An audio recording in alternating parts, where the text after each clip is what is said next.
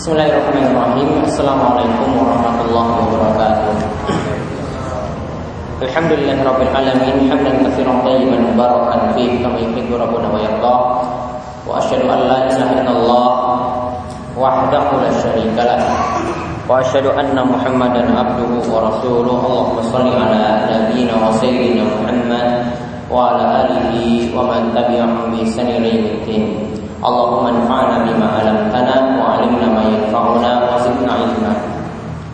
Ikhwani fiddin wa akhwati fillah para sekalian yang semoga selalu dirahmati dan diberkahi oleh Allah Subhanahu wa taala.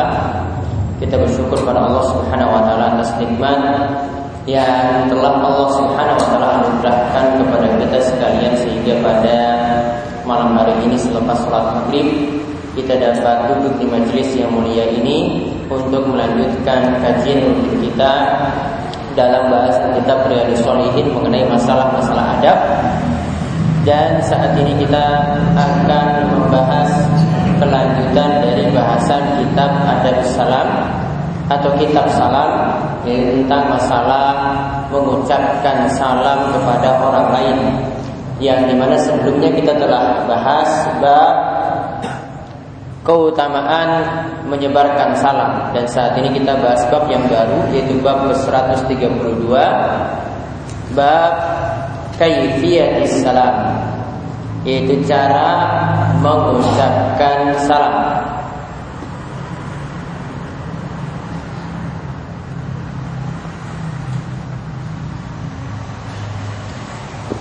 Sebelum masuk dalam hadis Imam Nawawi rahimahullah itu membawakan perkataan yustahabbu ayyakula lil mubtadi ayyakula al mubtadi'u bisalam disunahkan untuk memulai salam dengan mengucapkan assalamualaikum warahmatullahi wabarakatuh. Semoga keselamatan untuk kalian dan rahmat Allah untuk kalian dan juga keberkahan dari Allah untuk kalian. Fayati bidomir jam'i. Di sini dipakai kata ganti jamak atau plural lebih daripada satu karena kum assalamualaikum kum di situ untuk banyak beda dengan ka assalamualaikum di sini kata Imam Nawawi dipakai bentuk jamak. Wa in kana musallamu alaihi wahidan. Walaupun orang yang diberi salam itu cuma satu, tetap memakai assalamualaikum. Walaupun kaum tadi sudah dijelaskan itu untuk banyak orang. Tetap walaupun satu diperintahkan untuk memakai kalimat tadi. Wa mujib dan orang yang mendengar ucapan salam tersebut ditujukan salam tersebut itu menjawab Waalaikumsalam warahmatullahi wabarakatuh. Moga juga keselamatan untuk kalian, rahmat juga untuk kalian dan juga keberkahan Allah untuk kalian. Fayati biwawil atfi fi qawlihi wa alaikum. Di kalimat jawaban tadi didahului dengan huruf waw. Ya, di kalimat jawaban tadi dimulai dengan huruf waw. Jadi kalimatnya lengkapnya wa alaikumussalam warahmatullahi wabarakatuh. Nah setelah beliau menyebutkan seperti itu Imam Nawawi membawakan hadis. Hadis yang pertama dalam bab ini atau hadis nomor 851 dari kitab Riyadhus Shalihin yaitu hadis dari Imran bin Al Husain Sahabat Imran bin Al Husain ini pernah nah ini ada sebuah hadis yang beliau itu miliki. Uh, ketika itu uh, beliau berdialog dengan Said bin Jubair tentang bolehkah meruqyah diri sendiri ataukah tidak? Bolehkah meminta diruqyah ataukah tidak? Ya, hadisnya tertera dalam kitab tauhid ya dalam bab man haqqaqa tauhid dakhala jannata bighairi hisab yaitu siapa yang merealisasikan tauhid maka dia nanti akan masuk surga tanpa hisab. Ya di dalam kitab tauhid tersebut di sini ada hadis dari Al Imran bin Al Husain. Nah, di situ ada dialog dengan Said bin Jubair. Said bin Jubair itu menyarankan supaya Imran yang ketika itu terkena sengatan kalajengking itu tidak perlu meminta diruqyah. Ya, namun Imran punya alasan sendiri dengan membawakan hadis tidak ada ruqyah yang lebih ampuh daripada ya ruqyah karena sengatan kalajengking atau karena penyakit ain. Ini di antara kisah dari Imran bin Husain. Kemudian barulah Sa'id bin Jubair itu menyebutkan uh, hadis dari Ibnu Abbas yang menerangkan tentang 70 ribu orang yang masuk surga tanpa azab dan tanpa siksa, ya tanpa hisab, yaitu mereka di antaranya punya sifat tidak meminta diruqyah. Imran bin Al-Husain ini mengatakan ja'a rajulun ila Nabi sallallahu alaihi wasallam. Ada seseorang yang mendatangi Nabi sallallahu alaihi wasallam. Faqal lalu dia mengucapkan assalamu alaikum. Dia mengucapkan assalamu alaikum. Ringkas seperti itu. Faradda alaihi summa jalasa.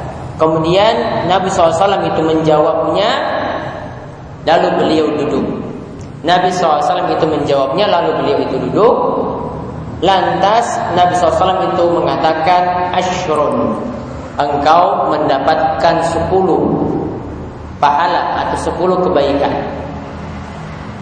Semaja akhar Lalu orang yang lainnya datang Fakal Lalu orang yang kedua ini mengucapkan Assalamualaikum warahmatullah Jadi lebih lengkap ada tambahan warahmatullah. Semoga Allah juga merahmatimu ya. Semoga Allah ya memberikan keselamatan dan juga semoga Allah itu merahmatimu. Ditambah dengan warahmatullah. Faradna alaihi Nabi SAW itu membalasnya Fajalasa lantas beliau itu duduk Fakal Lalu Nabi SAW itu menjawab Atau mengatakan Ishrun Orang yang kedua ini dapat 20 kebaikan. Semaja akhar. Lalu datang yang lainnya lagi. Orang yang ketiga, dia mengucapkan salam Assalamualaikum warahmatullahi wabarakatuh. Dia mengucapkan salam yang lebih lengkap ditambah dengan wabarakatuh.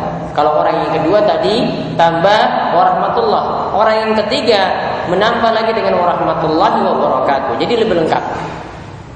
Faradda alaihi lalu ya Nabi SAW itu dan beliau mengatakan salasun. Engkau mendapatkan 30 kebaikan. Kalau tadi orang pertama itu 10 orang kedua itu isrun 20 orang ketiga itu salasun 30 Imam Nawawi mengatakan hadis ini rawahu Abu Dawud wa Tirmizi diriwayatkan oleh Abu Dawud dan Tirmizi. Dan Imam Nawawi menyimpulkan hadis ini hasan.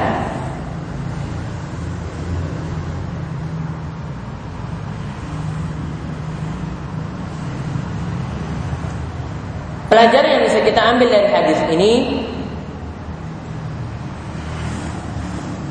yaitu yang pertama salam itu dibolehkan dengan ucapan yang ringkas atau sedikit Begitu pula dibolehkan dengan ucapan yang lebih sempurna. Yang paling ringkas yaitu dengan kita mengucapkan assalamualaikum. Atau tanpa menggunakan alif lam yaitu dengan salamun alaikum. Ya, dengan salamun alaikum.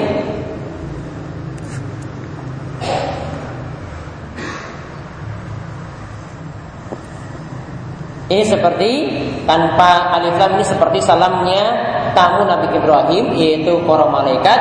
Ketika menyalami Nabi Ibrahim alaihissalam mereka itu berkata seperti disebutkan dalam surat Az-Zariyat faqalu faqalu salaman qala salamun. Yaitu para tamu tersebut itu mengucapkan salaman tanpa alif lam.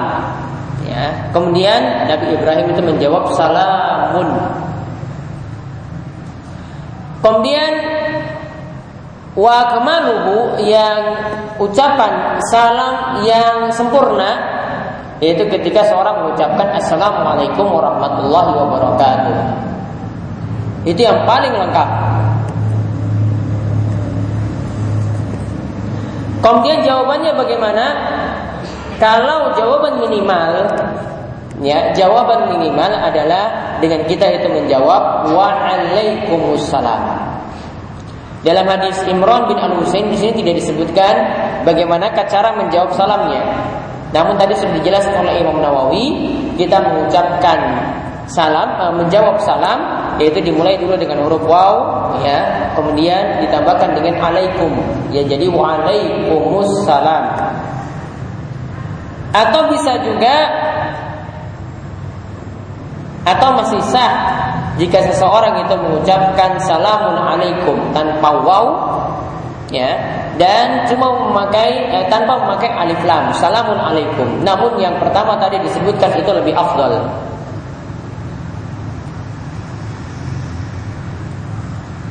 Nah, ucapan salam, eh, jawaban salam yang lebih lengkap yaitu sama seperti tadi kita mengucapkan salam, yaitu waalaikumsalam ditambah warahmatullah ditambah lagi dengan wabarakatuh.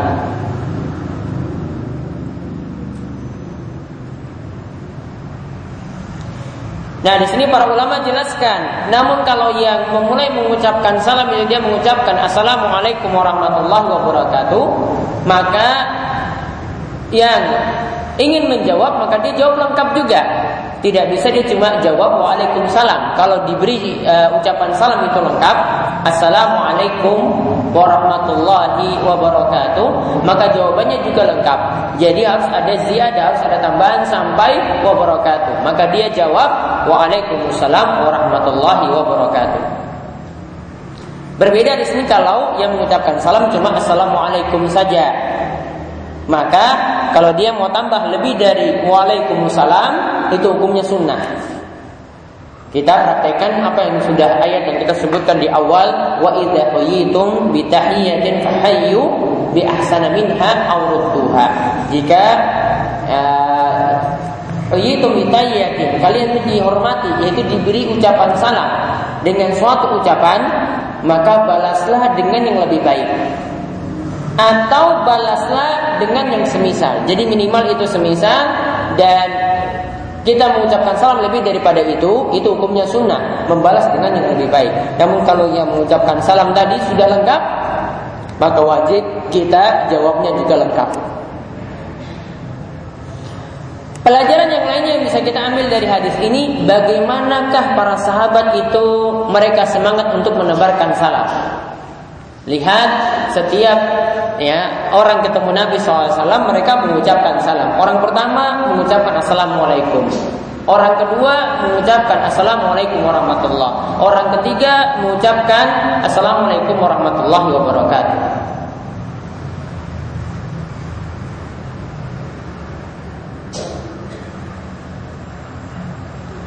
Kemudian hadis ini juga mengandung pelajaran bagaimanakah Nabi Shallallahu Alaihi Wasallam itu mengajarkan untuk menjawab salam dan beliau menyebutkan pahala yang nanti akan diperoleh jika orang menjawab atau ketika orang itu mengucapkan salam itu dengan cara demikian. Disebutkan ini pahalanya akan diperoleh ashrun 10. Disebutkan kalau lebih lengkap lagi akan diperoleh pahala ishrun 20. Kalau lebih lengkap lagi maka akan mendapatkan salasun, mendapatkan 30 pahala.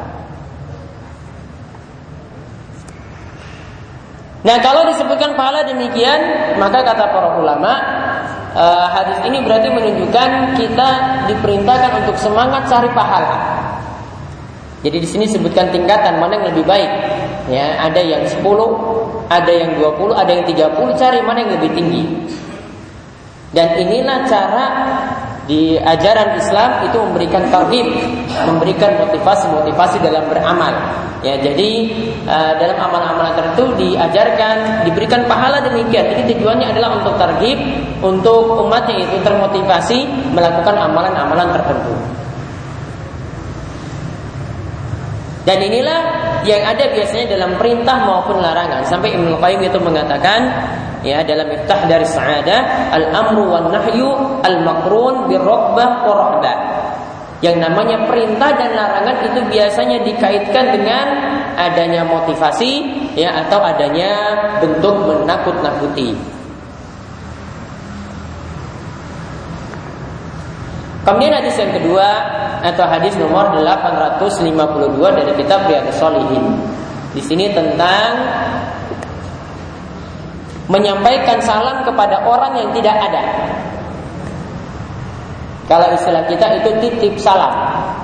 Ya, bagaimanakah cara nitip salam atau menyampaikan salam kepada orang yang tidak ada?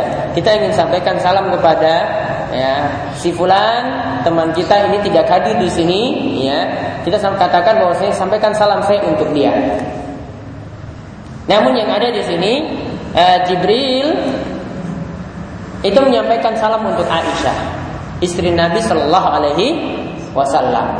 Jadi nitip salam untuk istri Nabi. Kita lihat hadisnya yaitu dari Aisyah radhiyallahu anha yang mengatakan qala li Rasulullah SAW. Rasulullah SAW itu mengatakan kepadaku, "Hadza Jibril yaqra'u alaiki salam." Jibril itu menyampaikan salam untukmu. Qalat maka ia mengatakan ya yaitu Aisyah itu mengatakan ketika itu wa alaihi salam wa rahmatullahi wa barakatuh. Wa alaihi salam. Semoga keselamatan juga untuk Jibril ya dan juga rahmat dan keberkahan untuknya. Muttafaqun alaih. Hadis ini diriwayatkan oleh Imam Bukhari dan Muslim ada komentar dari Imam Nawawi di sini dia sebutkan wa hakadha waqa'a fi ba'di riwayat sahihain dan demikianlah yang tertera dalam riwayat Bukhari dan Muslim. Yaitu ada tambahan wa barakatuh. Namun dalam riwayat yang lainnya ya bihadzi bihadzi bihadzfiha yaitu dihapus kata wa barakatuh. Jadi cuma sampai wa alaihi salam wa rahmatullah tanpa wa barakatuh. Namun Imam Nawawi memberikan catatan wa ziyadatu sikkah makbulatun. Jika ada tambahan dari perawi yang sikah maka tambahan tersebut itu bisa dianggap atau bisa diterima.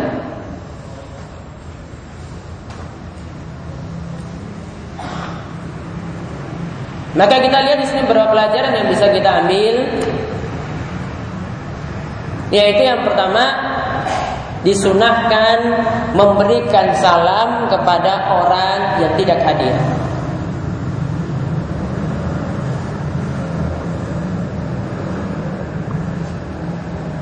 Dan di sini kita lihat Rasulullah SAW memenuhi perintah tersebut. Artinya ketika beliau itu dititip salam seperti ini, beliau itu menyampaikannya. Karena apa? Ini dianggap amanat. Dan Allah Subhanahu wa taala itu berfirman, "Innallaha ya'murukum an tu'addul amanati ila ahliha." Sesungguhnya Allah memerintahkan kalian untuk menunaikan amanat bagi ya yang ditujukan amanat tersebut. Jadi kalau ini diperintahkan salam ini disampaikan kepada si fulan, kepada si A, maka salam tersebut itu disampaikan. Ini bentuknya adalah amanat. Namun kata Syekh Muhammad bin Shalih Al Utsaimin ya dalam Syarah Riyadhus Shalihin beliau itu menyatakan bahwasanya di sini bisa jadi bentuknya yang pertama bentuknya ini apa yang dikatakan tadi bentuknya amanat. Kalau ya kita menitipkan salam pada orang lain, ya ada perantara yang kita katakan tolong sampaikan salam saya untuk si fulan. Terus yang ingin menyampaikan salam tadi dikatakan iya iya saya akan sampaikan. Baik saya akan sampaikan. Berarti jadi amanat untuk dirinya. Namun kalau yang ingin menyampaikan salam dia katakan bahwasanya ini yang kedua bentuknya Tolong sampaikan salam untuk si fulan jika kamu ingat. Ya, jika kamu ingat. Berarti kalau tidak ingat kan berarti dia sudah maafkan di sini. Jika kamu ingat.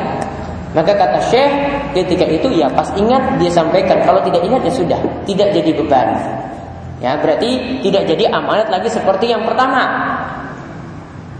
Dan Syekh itu menyarankan Syekh Muhammad bin Shalih itu menyarankan bahwasanya baiknya tidak membebani seseorang dengan amanat seperti itu. Artinya mungkin kita peringat.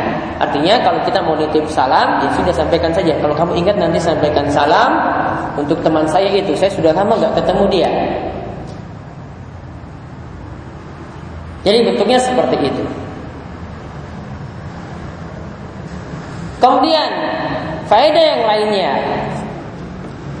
Bolehnya seorang laki-laki menyampaikan salam ya atau seseorang itu menyampaikan salam kepada lawan jenis yang bukan mahramnya. Namun di sini para ulama katakan selama ketika itu tidak menimbulkan kerusakan. Artinya tidak menimbulkan bahaya. Di sini Jibril ini menitip salam kepada Nabi Muhammad, tolong sampaikan salam kepada Aisyah radhiyallahu anha, kepada istri Nabi SAW. Kalau ini di kalangan orang Arab itu biasa. Kalau di Indonesia coba kalau ada yang nitip salam, nanti salam untuk istrimu ya. Apa kamu macam-macam sama istriku? Sudah emosi marah. Kalau ini biasa. Ya. Jadi ketika di antara bentuknya juga ketika mereka itu bertemu misalnya ya biasa menanyakan kabar kayak halku? Gimana keadaanmu? Atau dengan bahasa yang serupa itu ya islaunak ya itu juga makna yang sama dengan bagaimana kabarmu? Terus ditanyakan lagi kaifal ahl? Bagaimana istrimu? Ahl itu artinya istri jadi setiap bertemu itu tanya terus itu gimana kaifal ahl gimana istrimu? Ya alhamdulillah baik tamam. Alhamdulillah dalam keadaan baik. Ditanya itu istrinya. Kalau kita itu wah ini orang ini cari masalah ini. Ya. Namun di sana itu biasa. Nah, di sini tadi kita kembali bahwasanya memberikan salam kepada lawan jenis ini selama tidak ada uh, menimbulkan fitnah, menimbulkan godaan, ya maka tidak ada masalah. Dan ketika salam itu ingin disampaikan maka hendaklah salam tersebut dibalas. Berarti kalau di sini dapat menimbulkan fitnah, ya ini seorang laki-laki biasa bujang memberikan salam kepada ya yang berada di wisma wisma akhwat misalnya. Nah, ini bahaya, tidak diperkenankan seperti ini. Ini ada catatan yang perlu diperhatikan. Ya, tidak sembarangan memberikan salam. Jadi ini belum bisa dipraktekkan untuk anak-anak muda. Nah, bagaimanakah jawaban salamnya Ya, di sini dikatakan bahwasanya hendaklah jawaban dari salam tadi itu segera. Artinya, ya menyampaikan salam tadi segera menyampaikan ketika dia bertemu dengan orang yang nanti ya ditujukan salam tadi. Ya, dia sampaikan, kemudian orang yang ditujukan salam tadi juga segera membalasnya.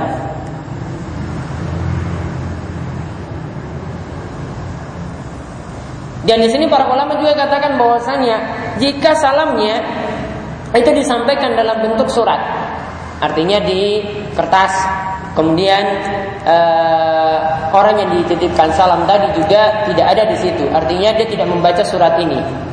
Ya, misalnya ini tujukan kepada si A, si Muhammad, ini tujukan salamnya untuk teman-temannya, sampaikan salam juga untuk teman-teman yang lainnya di situ. Maka diperintahkan juga walaupun itu cuma lewat tulisan, ini juga sampaikan salamnya lewat lisan kepada yang lainnya. Ya dan kalau bisa juga segera mungkin dan nanti ya mendengar uh, salam tersebut dia juga membalasnya juga segera mungkin. Kemudian dalam hadis ini dikatakan lagi bisa kita ambil uh, ambil pelajaran juga Namun ini tambahan dari perkataan para ulama. Mereka katakan bahwasanya orang yang menjawab salam. Jadi ini ada yang nitip salam tadi, ada yang mengucapkan salam pertama. Orang yang mendapatkan salam ini, ketika dia ingin menjawab, maka dia bisa jawab dengan cuma menjawab salam orang yang orang yang menyebutkan salam pertama kali. Jadi dia jawab wa alaihi salam warahmatullahi wabarakatuh. Namun kalau bisa ya atau ini dikatakan hasan dikatakan baik ini dikatakan oleh Imam Nawawi ataupun oleh Syekh Muhammad bin Shalih mereka katakan bahwasanya kalau bisa orang yang nitip salam tadi yaitu orang yang menjadi perantara untuk tersampaikan salam ini juga termasuk dalam jawaban salam. Jadi ketika menjawab itu kita ucapkan wa alaika wa alaihi salam wa rahmatullahi wa barakatuh. Wa alaika itu salam untukmu yang tadi jadi perantara dan juga salam untuknya yang tadi mengucapkan salam pertama kali. Wa rahmatullahi wa barakatuh, rahmat untuknya dan juga keberkahan untuknya. Jadi sertakan juga orang yang jadi perantara tersebut. Namun asalnya kalau dia cuma menjawab salam dari orang yang pertama saja dia katakan wa alaihi salam warahmatullahi wabarakatuh boleh sebagaimana disebutkan dalam hadis Aisyah. Namun kalau dia menambah orang yang jadi perantara tadi diikutkan, nah itu lebih baik. Maka dijawab wa alaika wa alaihi salam warahmatullahi wabarakatuh.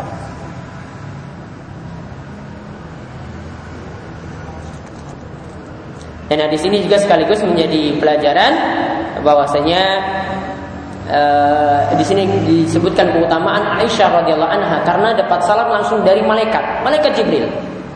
Juga di sini disebutkan bagaimanakah jawaban salam yang sempurna yang disampaikan oleh Aisyah di situ.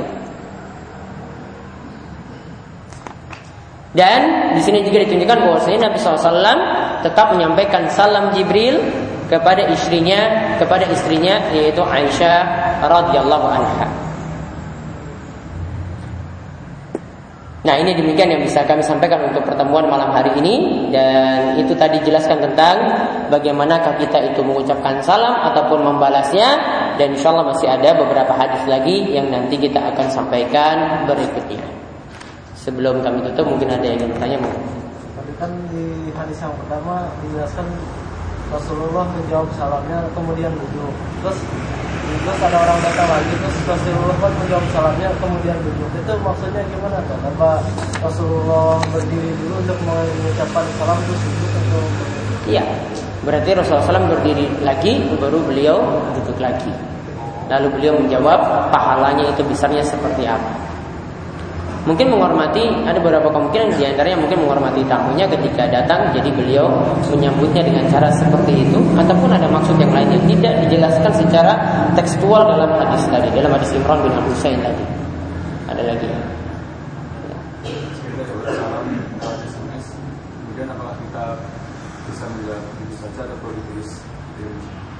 Baiknya ditulis Ya namun kalau kita jawab di lisan itu juga diperkenankan. Namun ya karena dia sampaikan lewat tulisan kita juga balas dengan tulisan. Biar dia tahu bahwasanya salamnya itu dibalas. Karena salam itu doa. Ya salam itu di antara maknanya itu adalah assalamualaikum. Itu sama saja seperti kita mengatakan sebagian ulama itu katakan semoga Allah menjagamu. Ya atau semoga Allah memberikan keselamatan untukmu. Jadi kita balas seperti itu lagi karena dia doakan kita itu baik, maka kita balas lagi ya, biar dia tahu bahwasanya kita juga mendoakan dirinya. Jadi baiknya dibalas juga lewat tulisan, namun lewat lisan pun misalnya karena terburu-buru tidak dijawab tadi, cukup lewat lisan dianggap sudah terjawab. Apa yang tertulis dengan lisan tadi itu sama. Allah. Ada lagi? Ya, tapi sampun untuk pertemuan malam hari ini kami ucapkan sekian. Subhanallahumma bihamdika asyhadu an la ilaha illa anta astaghfiruka wa atubu ilaik. Sallallahu ala nabiyina Muhammadin wa ala alihi wa sahbihi ajma'in. Walhamdulillahi